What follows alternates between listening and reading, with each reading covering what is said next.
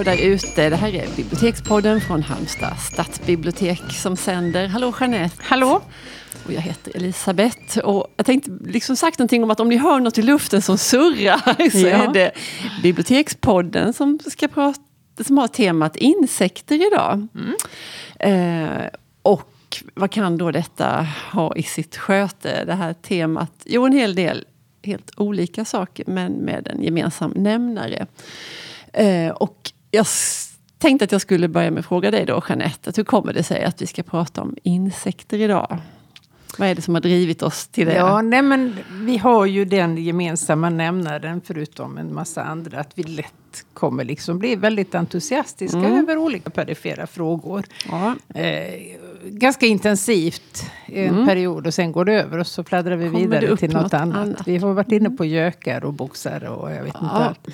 Men eh, det här med bin och humlor så, som är min ingång på insekterna Mm. eh, har oroat mig ganska länge och fascinerat mig också. Att bina är ju så fruktansvärt viktiga. Det behöver man ju inte vara någon biolog för att fatta. De Mm. Nej. pollinerar alltså en tredjedel av all eh, mat som vi äter. Och utan pollinering så blir det inga växter. Och vi behöver växterna. Och ska vi föda upp djur för djur... ja, produktion. så behövs så äter de växter Ja. Mm. och så vidare. Så konsekvenserna är ju helt förödande om de nu skulle försvinna. Om man ser ju de tendenserna att det har ju minskat något så oerhört. Eh, så vi står inför en annalkande katastrof kan man faktiskt säga utan att överdriva och utan att och, liksom förmörka stämningen Nej. ytterligare. Ehm, och det har skrivits en rad böcker om det här då som jag ska prata om lite senare. Men sen också har jag hört att, att just bin och humlor är så otroligt komplexa varelser som man kanske inte tror att de Nej. är. De har, att de kommunicerar med kuperna på olika sätt.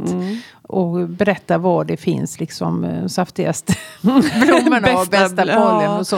och då gör man det genom att dansa. Om man har en speciell sorts Ja. koreografi som betyder olika saker. Och mm, väldigt de- tydlig hierarki in i den här bikupan. Det tycker jag också är fascinerande.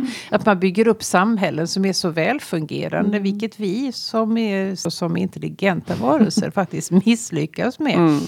Jag kommer tänka på en annan sak. Vet du att myror de studeras av trafikforskare. Okej. För de tänker de här gigantiska myrstackarna där, där de pilar De- fram ja, och de tillbaka. kör aldrig på varandra. De kör aldrig på Nej. varann. Och det borde de göra. Stånga varandra, barret och så. Icke, Nej, händer inte. nej. Så detta har då eh, ja, trafikforskare studerat Ja. hur de gör och kommer fram till att de samarbetar ju mycket mer än Ja, vad och vi det är gör. så nyttigt att höra sånt, för vi tror som sagt att vi är så himla skapelsens krona och att Mm. Ja. de bara liksom, att bina surrar lite random och Ja.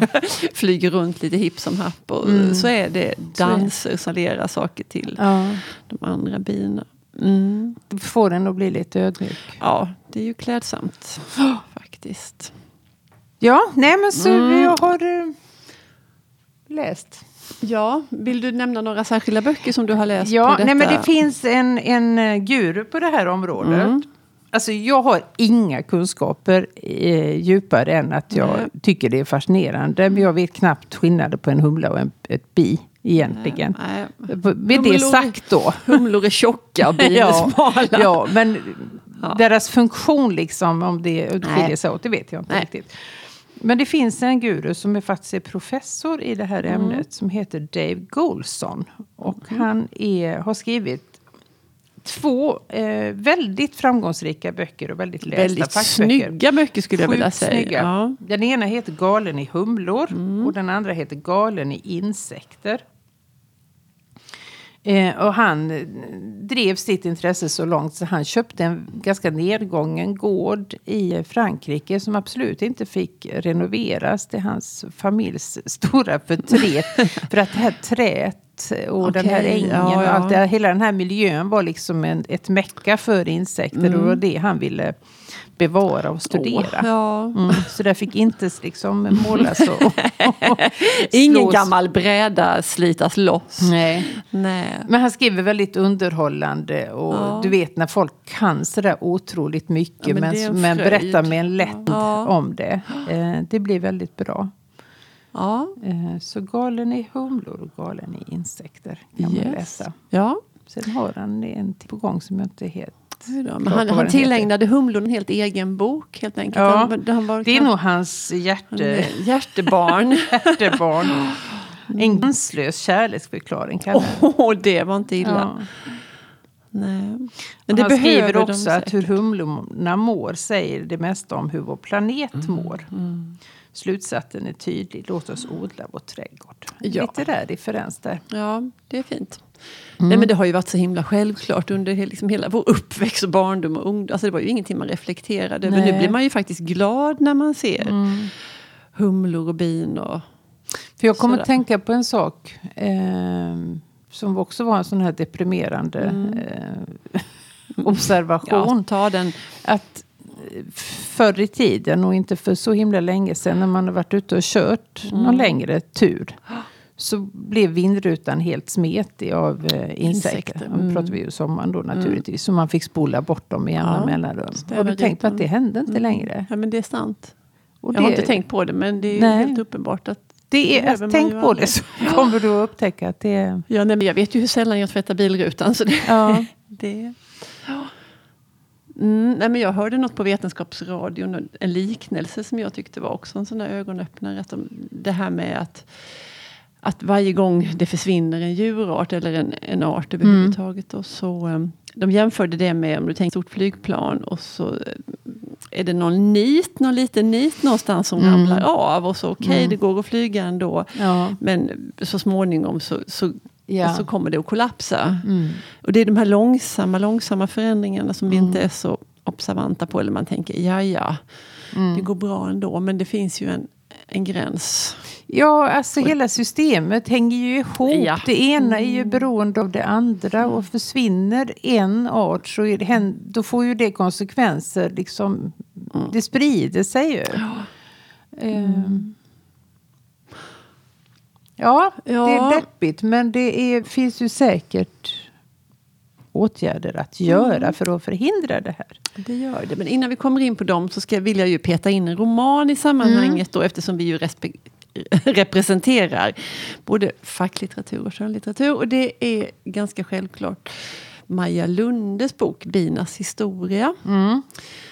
Som, I början när folk frågade efter den så det låter ju verkligen som Låter att det skulle som den vara... ska vara en våning ja, jag var på väg att skicka upp folk till fackavdelningen innan jag Mm. kände till och hade kollat upp ordentligt. Eh, Det är en roman som ham- handlar om den här slumrande katastrofen. Och hon har väldigt sinnrikt delat upp boken i tre olika historier som hon väver samman. Men, men temat är ju det här, den här sorgliga ramsan. Inga bin leder till ingen pollinering, ingen pollinering leder till inga växter. Och då är vi rökta på sikt. Ehm, och det här då har hon förlagt till tre olika länder, tre olika tidsperioder. Vi är i England på 1800-talet och en del av historien utspelar sig i USA i ungefärlig nutid. Och den tredje delen är framtiden eh, 2098 närmare bestämt och då är vi i Kina. Eh, ja. Och den gemensamma nämnaren är bin. Det är eh, bina. Och, Mm. ja, konsekvenserna då. Mm. Den blev väldigt uppmärksammad. Det var massa människor Ja. som ville läsa den och Ja. låna den och prata om den. Men hon använder ju romanformen till att föra fram Mm. sådana viktiga frågor. Precis. som Hon har ju skrivit en om havet. Den här blå. Blå, precis. Som också är uppläst. Mm. Men du, vi var inne på det lite innan. Att, varför, vad kan man göra då? Vi som vanliga... Fast jag vill nog ta Eller vill fram du säga en något? bok Ja, till först. Innan jag eh, går vidare. Ja. Eh, jag har inte läst den för den är väldigt ny. Så Mm. den, vi har nog inte ens fått den hit till biblioteket än. Den heter Bin och människor. Om bin och biskötare i religion, revolution och evolution. samt många andra bisaker. Åh, Och det är Lotte Möller som skriver mycket trädgårdsböcker ja, men och det har hon ju gjort i alla, Alla sina tider. dagar Ja. och i alla våra dagar också. Den här Ja. Mm. verkar så himla kul tycker jag. För att det handlar om relationen mellan bin och människor. Mm. Och hon börjar i antiken Mm. och jobbar sig framåt. Och då får man reda på att på 1700-talet så var det en upphetsad debatt om huruvida det är en drottning eller en kung som styr bisamhällena. Gud vad roligt. Det De trodde det var kul. en kung, att det var en snubbe. Alltså allt annat var ju helt otänkbart. Att det skulle vara ett tjejbi som bestämde. Förstår Åh, du väl? dör. Så där kommer liksom hela genus... Eh, Mm. Vad sa du, Vi typ upprörda när man listade ut då att det här var ju en, en Ja, då, drottning. vissa vill ju inte ta till sig den informationen. De var faktaresistenta. Ja, precis. Det styrde ju hela, eller rubbade deras världsbild helt enkelt. Mm. Åh gud vad fest. Kvinnohatet tar sig uttryck överallt. Ehm, Åh, hjälp. så även i bivärlden. Mm. Mm. Det är ju ändå skönt att detta har, för det får man ju ändå säga. Det är oomtvistligt, ja, ja, ja. precis. Det är ingen som ifrågasätter det. Nej. Ja, Lotte Möller. Lotte Möller. Den ser vi fram emot. Ja, det gör vi faktiskt. Ja. Nej men det här med vad man kan göra, för det känns så tråkigt att Mm. liksom vara domedagsprofets... Profetissor. profetissor. Det gillar vi inte. Nej. Eh, och då har jag nog satt reda på att Naturskyddsföreningen, denna fantastiska organisation, Mm. har just nu en aktion som heter Nu räddar vi bina. Ja, det gör vi. Och då har de ju gått... Först förklarar de ju varför Mm. eh, vi ska göra det och varför bina försvinner. För Mm. att det är ju lätt att konstatera att de gör det, men då, de kartlägger ju varför. Mm. Och det ena är, första är att de, eh, de har ont om mat. Ja. Det finns inte tillräckligt med blommor som ger pollen och nektar så att det räcker för hela säsongen. Utan De svälter ihjäl. De svälter. Får de Sen inte har också de- någon sjukdom? Jo, det också. Det kan ju slå ut hela, Ja. alltså, speciellt odlade bin, så kan ju sådana sjukdomar slå ut hela samhället. Men det är ganska naturligt, för att det händer ju liksom i alla... Eh, Det ska hända oss med. ja, nej, men man tänker på harpest och Ja. liksom sådana saker. Det kan jag köpa. Liksom, att, då kan man ju börja om med ett nytt samhälle. Vad vet jag. Men att man liksom gör rent och blir av med den här smittan.